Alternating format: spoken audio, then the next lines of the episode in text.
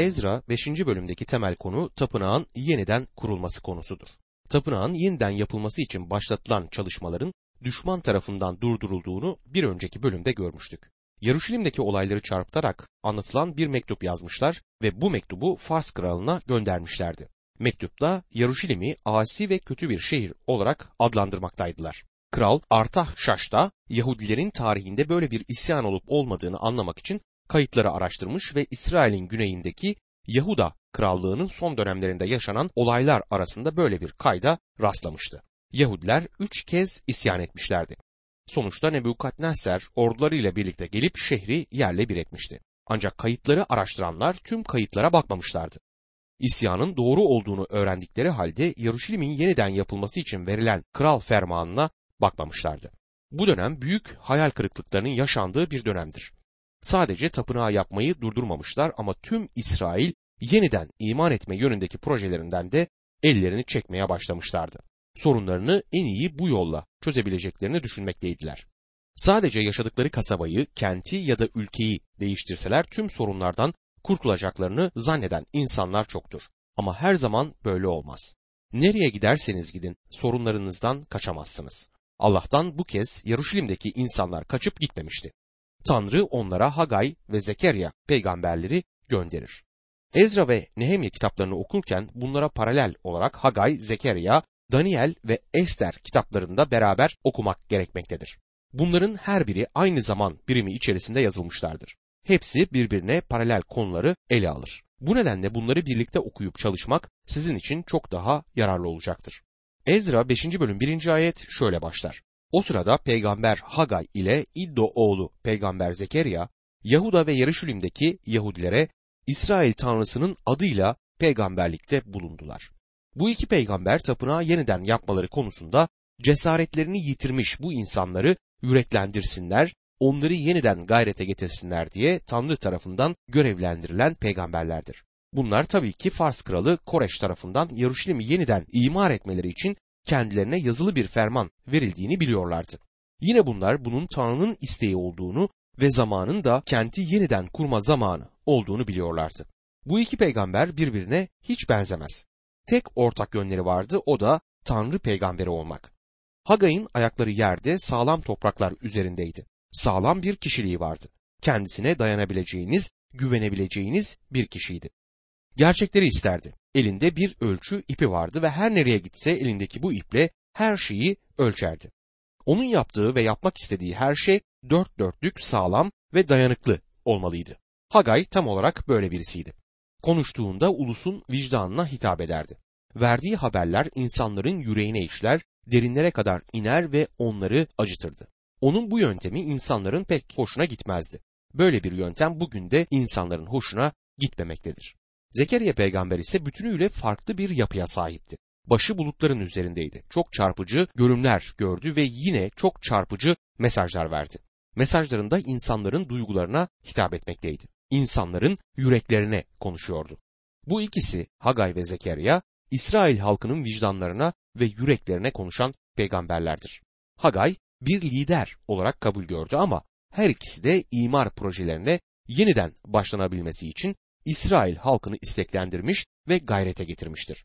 Bu noktada Hagay ve Zekeriya kitaplarını okumanın bu konuları incelerken daha zevkli ve daha zengin geçmesi açısından çok yararlı olacağını düşünüyorum. Ezra 5. bölüm 2 ve 3. ayetler şöyle devam eder. Bunun üzerine Şaltiel oğlu Zerubbabil ile Yosadak oğlu Yeşu Tanrı'nın Yeruşalim'deki tapınağını yeniden kurmaya giriştiler. Tanrı'nın peygamberleri de onlarla birlikteydi ve onlara yardım ediyordu. Fırat'ın batı yakasındaki bölgenin valisi Tattenay, Şetar Bozenay ve çalışma arkadaşları onlara gidip bu tapınağı yeniden kurmak ve yapımını tamamlamak için size kim yetki verdi diye sordular. Tapınağın yapımına yeniden başlanınca düşmanlar bundan hemen haberdar oldular. Tattenay, Samirye bölgesinde Fars Krallığı adına valilik yapan birisiydi. Şeter Bozena ise yüksek makamda bir görevli olmalıydı. Her ikisi de işçilerin yanına gelip onlara meydan okudular ve şöyle dediler. Siz hangi akla hizmet ediyorsunuz? Size tapınağı yapamayacağınızı söylemedik mi? Yahudiler onları hiç umursamadılar. Onlara verdikleri yanıta bakarsanız bunun bir yanıta benzer bir yanının olmadığını görürsünüz. Her şeyden önce bu bölge valisi ve yanındakiler Yahudilerin düşmanlarıydılar. Dünyanın krallık sistemine ait kişilerdi ve Yahudilerin ellerindeki incileri domuzların önlerine dökmemeleri gerekmekteydi. Onlara tapınağı yapmaya devam etmelerini Rab Tanrı'nın söylediğini anlatsalardı onlar bunu acaba anlarlar mıydı? Hayır çünkü Rabbin sırları kendisinden korkanlarla beraberdir. Başka kimseyle değil. 1. Korintliler 2. bölüm 14. ayette doğal kişi Tanrı'nın ruhuyla ilgili gerçekleri kabul etmez. Çünkü bunlar ona saçma gelir. Ruhça değerlendirildikleri için bunları anlayamaz diyor. Onlara bir soruyla karşılık veriyorlar. Ezra 5. bölüm 4. ayette. Yapıyı kuranların adlarını da sordular. Diğer bir deyişle Yahudiler onlara şöyle diyorlardı. Bize verilen listede sizin adlarınızı göremiyoruz. Eğer bu işte görev alsaydınız bunda bir payınız olsaydı siz ve burada çalışan işçilerden olsaydınız o zaman size rahatça yanıt verebilirdik. Ama adlarınız işçilerin listesinde olmadığından size yanıt vermeyeceğiz. Sanki adamlarla alay ediyorlardı. Bu sizi ilgilendirmez. Bize böyle bir soru sormaya hakkınız yok diyorlardı. Ancak böyle bir yanıt işçilerin başını büyük bir derde sokabilirdi. Ama bakın ne oluyor. Ezra 5. bölüm 5. ayette ama tanrıları Yahudi ileri gelenlerini koruyordu. Bu yüzden Darius'a bir haber gönderip ondan yazılı bir yanıt alıncaya dek Yahudiler durdurulmadı diyor. Gerçekten de Tanrı'nın gözleri kendisine ait olanların üzerindedir. Onları sürekli olarak gözetir ve korur. Bunun üzerine hemen krala başka bir mektup yazıyorlar. Bu dönemde kral olan Darius'tu. Babil'den geri dönmelerinin üzerinden yaklaşık 7 yıl geçmişti. Ezra 5. bölüm 6 ve 7. ayetlerde Fırat'ın batı yakasındaki bölgenin valisi Tattenay, Şetar Bozenay, çalışma arkadaşları ve oradaki görevlilerin Kral Darius'a gönderdikleri mektubun örneği aşağıdadır. Gönderdikleri belge şöyleydi. Kral Darius'a candan selamlar. Bakınız nasıl başlıyor. Bu düşmanın yazdığı işte başka bir mektuptu. Herhalde bunu da aceleyle özel bir ulakla göndermişlerdi. Ezra 5. bölüm 8. ayette Yahuda iline Yüce Tanrı'nın tapınağına gittiğimizi krala bildiririz. Tapınağı büyük taşlarla kuruyor, duvarlarına kirişler yerleştiriyorlar. Tapınağın yapımında canla başla çalışıyor ve yapım işi başarıyla ilerliyor. Sizin de gördüğünüz gibi mektupta anlatılmak istenen düşünce şudur. Biz oraya özellikle bunu size bildirelim diye gitmedik. Biz onların düşmanı değiliz. Onların bulunduğu bölgeden geçiyorduk.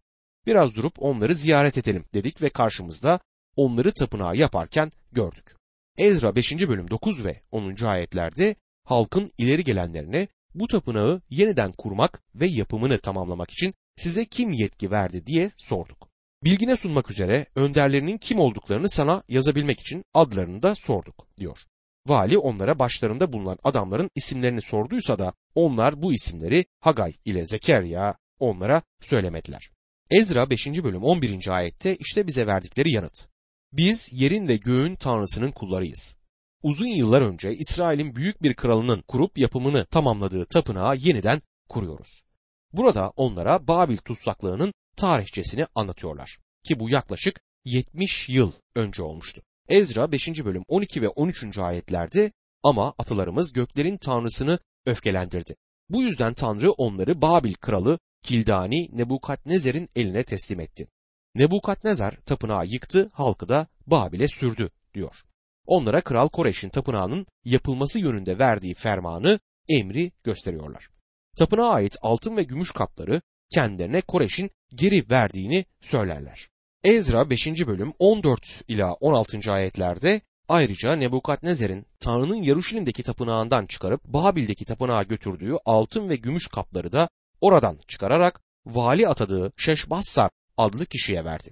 Koreş ona bu kapları al gidip Yaruşilim'deki tapınağa yerleştir dedi. Tanrı'nın tapınağı eski yerinde yeniden kur. Böylece Şeşbassar gelip Tanrı'nın Yaruşilim'deki tapınağının temelini attı. O günden bu yana yapım işleri sürmekte ama daha bitmedi diyor. Mektup bakın hangi rica ile sonuçlandırılıyor. Ezra 5. bölüm 17. ayetti. Kral uygun görüyorsa Babil sarayındaki arşivde bir araştırma yapılsın. Tanrı'nın Yaruşilim'deki tapınağının yeniden kurulması için Kral Koreş'in bir buyruk verip vermediği saptansın. Sonra kral bu konuya ilişkin kararını bize bildirsin. Bu adamlar Yahudilere toprağa Kral Koreş'in verdiği fermana göre yaptıklarına inanmıyorlardı. Ama yazdıkları mektupta Yahudilerin tapınağı buna gerekçe göstererek yaptıklarını belirtiyorlardı. Bu nedenle böyle bir fermanın var olup olmadığının araştırmasını istiyorlardı ve bu insanların tapınağı kendi kendilerine yaptıklarını düşündüklerini gösterir bu yazılanlar. Ezra 6. bölümdeki temel konu Darius'un Koreş'in fermanını onaylamasıdır. Burada kısaca Tanrı halkının içinde bulunduğu durumu ve tutmuş olduğu yeri ele almak istiyor. Bu konularda çok şey yazılıp söylenir. Pozisyon olarak Yahudiler Tanrı'nın kendilerinden olmalarını istediği yerdedir. Yani İsrail topraklarındaydı. Onların Babil'den Yaruşilim'e geri dönmeleri için çıkarılan ferman bunu Tanrı'nın emriyle yaptığını kabul eden Fars kralı Koreş tarafından verilmişti. Bu nedenle bu insanlar pozisyon olarak Tanrı'nın onlar için amaçladığı yerdeydiler. Ne var ki insanların içinde bulunduğu durum ya da kondisyon pek de öyle iyi sayılmazdı. Cesaretlerini yitirmişlerdi. Her şeyi bir anda bırakıp gidebilirlerdi. Bu nedenle Tanrı onları tekrar cesaretlendirmek amacıyla peygamberler çıkartır. Bugün bana öyle geliyor ki Tanrı halkı olan insanlar pozisyonları ile kondisyonlarını birbirine karıştırıyorlar. Eğer bugün Mesih'teyseniz ona iman etmiş biriyseniz o zaman güvenliktesiniz. Pozisyonunuz iyidir. Peki kondisyonunuz nasıl? Cesaretini kaybetmiş, imanda soğumuş biri misiniz? Kesin bir kurtuluşa sahip olarak Mesih'e demir atmış biri olup da şimdi her şeyden vazgeçmek istiyor musunuz? Eğer hisleriniz buna evet diyorsa size şunu söylemek isterim kardeşim. Bulunduğunuz pozisyon güvenlikte dahi olsa içinde bulunduğunuz durumunuz, kondisyonunuz hiç de iç açıcı değildir. Ezra kitabında gördüğümüz Yahudilerin durumu da aynen böyleydi. İlginç olan şu ki Tanrı kendi halkıyla beraberdir ve onun isteği gerçekleşecektir. Burada bazı bilgilerin gün ışığına çıkarıldığını görüyoruz. Bu düşmanın kuyruğunu bacakları arasına sokup havluya havluya uzaklaşacağı bir durumdur. Bundan böyle ağzını kapayacak, konuşmayacaklardı. Bakın neler oluyor. Ezra 6. bölüm 1. ayet. Kral Darius'un buyruğu uyarınca Babil'de kayıtların saklandığı odada araştırma yapıldı. Kralın emri üzerine hazine ve arşiv görevlileri sarayın arşiv dairesinin bodrum katına iniyorlar ve üstleri toz tutmuş eski dosyaları çıkartıp bir bir incelemeye başlıyorlar. Ezra 6. bölüm 2 ila 4. ayetlerde Medya ilindeki Ahmeta kalesinde bir tomar bulundu. Tomarın içinde şunlar yazılıydı. Kral Koreş krallığının birinci yılında Tanrı'nın Yaruşilim'deki tapınağına ilişkin şöyle buyruk verdi. Kurban kesmek üzere bu tapınağın yeniden kurulması için temel atılsın. Üç sıra büyük taş, bir sıra kiriş döşensin. Yüksekliği ve genişliği altmışar arşın olsun. Giderler saraydan karşılansın. Ve yine Ezra 6. bölüm 5. ayette devamında Nebukadnezer'in Yarışilim'deki Tanrı'nın tapınağından çıkarıp Babil'e getirdiği altın ve gümüş kaplarda geri verilsin. Yaruşilim'deki tapınakta özel yerlerine götürülsün. Hepsi Tanrı'nın tapınağına konsun diyor. Bütün her şey işte burada yazılıydı. Bütün bunlar Kral Darius tarafından gün ışığına çıkartılmışlardı. Eğer düşman bundan söz etmeseydi, kral böyle bir fermanın var olduğunu asla bilmeyecekti. Kral Darius'un vali Tetena'ya gönderdiği haber Ezra 6. bölüm 6 ve 7. ayetlerde şöyle kaydedilir. Onun için siz Fırat'ın batı yakasındaki bölge valisi Tattenay, Şeter Bozenay, çalışma arkadaşları ve oranın görevlileri. Tapınaktan uzak durun. Tanrı'nın tapınağının yapım işlerine karışmayın. Bırakın Yahudilerin valisiyle ileri gelenleri Tanrı'nın tapınağını eski yerinde yeniden kursunlar. Tattenay önemli bir görev üstlenmiş bir valiydi ve Yaruşilim'de yapılmakta olan tapınağı durdurabileceğini düşünüyordu. Ama Fars kralı Koreş'in tapınağın yapılması için vermiş olduğu emir gün ışığına çıktıktan sonra o zaman krallık yapan Darius bunun Medlerin ve Farsların bir emri yani fermanı olduğunu gördü. Ve bu ferman bir daha asla değiştirilemez ya da yürürlükten kaldırılamazdı. Bu nedenle Darius bu doğrultuda yeni bir ferman yazarak şunları bildiriyor. Ezra 6. bölüm 8. ayette. Ayrıca Tanrı'nın tapınağının yeniden kurulması için Yahudi ileri gelenlerine neler yapmanız gerektiğini de size buyuruyorum. Bu adamların bütün giderleri kralın hazinesinden, Fırat'ın batı yakasındaki bölgeden toplanan vergilerden ödensin. Öyle ki yapım işleri aksamasın. Kral bu sözlerle valiye şöyle diyordu. Beni iyi dinle. Sadece tapınağın yapılmasına engel olmayacak ama yapılması için ne gerekiyorsa her imkanı kullanarak yardımcı olacaksın. Topladığın vergileri orada bulunduracak, buraya göndermeyeceksin. Tapınağın yapımında kullanılması için toplamış olduğun bütün vergileri bu insanlara vereceksin. Gerçekten güzel. Tanrı insanların öfkesini kendisini öven bir nedene dönüştürebilir. Ezra 6. bölüm 9 ve 10. ayetlerde Yarışilim'deki kahinlerin bütün gereksinimlerini hiç aksatmadan her gün vereceksin. Göklerin tanrısına sunulacak yakmalık sunular için genç boğalar, koçlar, kuzular ve buğday, tuz, şarap, zeytinyağı. Öyle ki göklerin tanrısını hoşnut eden sunular sunsunlar. Ben ve oğullarım sağ kalalım diye dua etsinler diyor. Bu gerçekten büyük bir fermandır. Darius burada tapınağın yapımını engelleyenin kim olursa olsun son derece sert bir şekilde cezalandırılmasını da emreder. Ezra 6. bölüm 11 ve 12. ayetlerde ise bundan başka buyuruyorum ki bu kararı değiştirenin evinden bir kiriş çıkarılacak ve o kişi kirişin üzerine asılacak. Evi de bu suçtan ötürü çöplüğe çevrilecek. Yeruşalim'i adına konut seçen Tanrı bu kararı değiştirmeye, oradaki Tanrı tapınağını yıkmaya kalkışan her kralı ve ulusu yok etsin. Ben Darius böyle buyurdum. Buyruğum özenle yerine getirilsin diyor. Bu noktadan sonra Zekeriya ve Hagay kitaplarını okuyacak olursanız büyük bir heyecana kapılacağınızı söyleyebilirim. Biz bu kitapları küçük peygamberler sıralamasına alıyoruz ama vermiş oldukları mesajlar gerçekten çok büyüktür. Ezra 6. bölüm 13 ve 14. ayetlerde Fırat'ın batı yakasındaki bölge valisi Tattenay, Şetar Bozenay ve çalışma arkadaşları Kral Darius'un buyruğunu özenle yerine getirdiler. Peygamber Hagay ile İddo oğlu Zekeriya'nın yaptıkları peygamberlik sayesinde Yahudi ileri gelenleri yapım işlerini başarıyla ilerlettiler. İsrail Tanrısı'nın buyruğu ve Pers kralı Koreş'in Darius'un Artahşas'tanın buyrukları uyarınca tapınağın yapımını bitirdiler diyor. Tapınak Hagay ve Zekeriya peygamberlerin halkı alevlendirmesi sonucunda büyük çalışmalardan sonra tamamlanmıştır. Tapınağın tamamlanması ve Rabbe sunulmasına geldiğimiz zaman Ezra 6. bölüm 15 ve 16. ayetlerde şunları okuyoruz. Tapınak Kral Darius'un krallığının 6. yılı Adar ayının 3. günü tamamlandı. İsrail halkı kahinler, leviller ve sürgünden dönenlerin tümü Tanrı'nın tapınağının adanmasını sevinçle kutladılar diyor. Bakın dikkat ederseniz burada İsrailoğulları kahinler, leviller ve sürgün oğullarından arta kalanlardan söz edilmektedir. Bunlar kimdir? Zaten kim olduklarını burada açıkça yazar. İsrailoğulları sadece Yahuda ve Benyamin oğulları değil ama İsrailoğulları sürgün oğullarından arta kalanlar ve bugün bazılarının İsrail'in kayıp on oymağı dedikleri on oymaktan gelen kişilerdi. Sevgili dostum hiç kimse kaybolmamıştır. Bakın burada diğer kardeşleriyle birlikte tapınağın açılışını kutlamak ve Rabbe sunu sunmak için orada hazır bulunuyorlardı. Ezra 6. bölüm 17 ve 18. ayetlerde ise Tanrı'nın tapınağının adanması için 100 boğa, 200 koç, 400 kuzu kurban ettiler. Oymakların sayısına göre bütün İsrailler için günah sunusu olarak 12 teke sundular.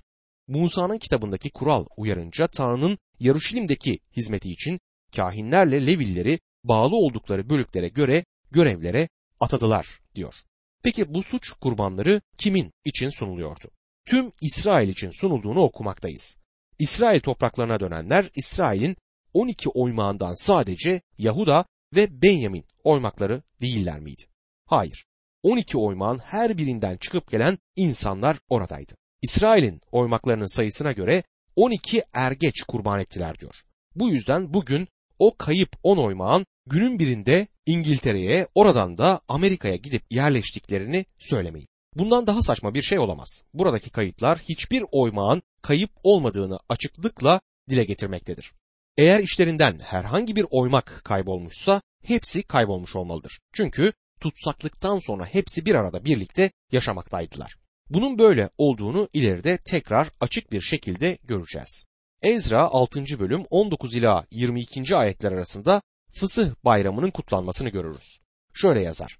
Sürgünden dönenler birinci ayın 14. günü Fısıh bayramını kutladılar. Kahinlerle Leviller hep birlikte kendilerini arındırdılar. Dinsel açıdan hepsi arındı. Leviller sürgünden dönenlerin tümü kardeşleri olan kahinler ve kendileri için fısıh kurbanını kestiler. Sürgünden dönen İsraillerle İsrail'in tanrısı Rab'be yönelmek amacıyla kendilerini çevredeki halkların kötü alışkanlıklarından ayırıp onlara katılanların hepsi kurban etinden yedi. mayasız ekmek bayramını yedi gün sevinçle kutladılar. Çünkü Rab onları sevindirdi ve Azur kralının onlara iyi davranmasını, İsrail'in tanrısı Tanrı'nın tapınağının yapım işlerinde onlara yardım etmesini sağladı diyor. Tapınağın Rab'be sunulmasından tam beş hafta sonra Fısıh bayramını kutlarlar. Fısıh bizim yerimize çarmıh üzerinde kurban olan İsa Mesih'in ölümünü simgeler.